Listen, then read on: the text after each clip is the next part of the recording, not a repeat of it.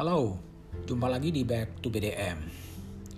Gracia Poli dan Apriani Rahayu, pemain unseeded, menjungkir balikan semua pengamat di Olimpiade Tokyo 2020.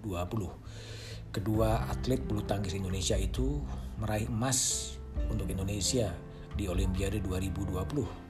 Satu-satunya emas Indonesia dipersembahkan Gracia dan Apriani Rahayu bonus dan penghargaan pun mengalir dari berbagai pihak. Sah-sah saja penghargaan itu diberikan karena mereka telah berjuang untuk emas yang mereka peroleh.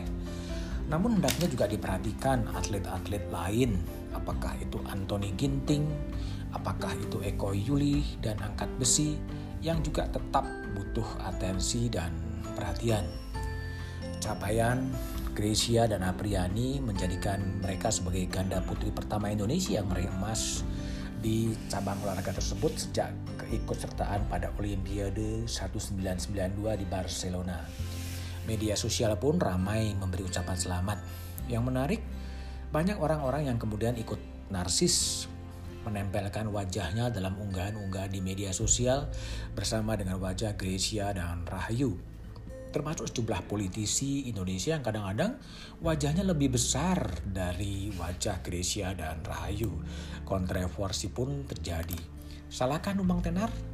Enggak juga tergantung dari mana sudut memandang.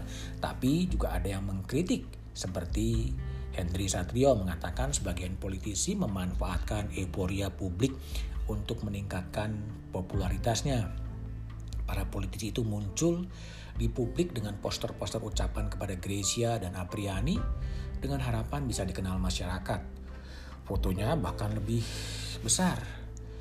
Politisi PDI Perjuangan Andrea Suko Parera mengatakan ucapan terima kasih merupakan bentuk ekspresi kebanggaan yang wajar dilakukan semua orang, tak terkecuali politisi akan menjadi sorotan publik jika foto lebih besar dibandingkan foto Grecia dan Apriani karena bisa dianggap memanfaatkan situasi untuk meningkatkan popularitas.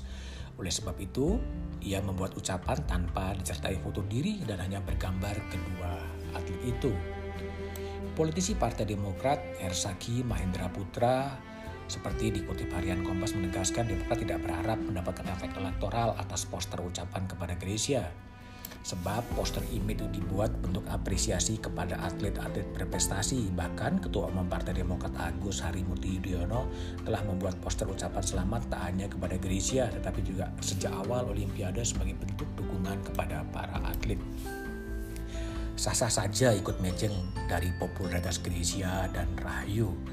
Namun akan lebih bermanfaat seandainya para politisi anggota DPR di Senayan memperjuangkan bagaimana misalnya kehidupan atlet-atlet nasional kita pasca mereka pensiun. Sebagian dari atlet nasional justru mengalami kesulitan hidup ketika mereka sudah tidak berprestasi lagi. Jadi, selain numpang kenar, perlu ada agenda-agenda konkret yang diperjuangkan oleh para politisi menyangkut kehidupan atlet setelah prestasinya turun seiring dengan usia. Jumpa lagi di Back to BDM berikutnya.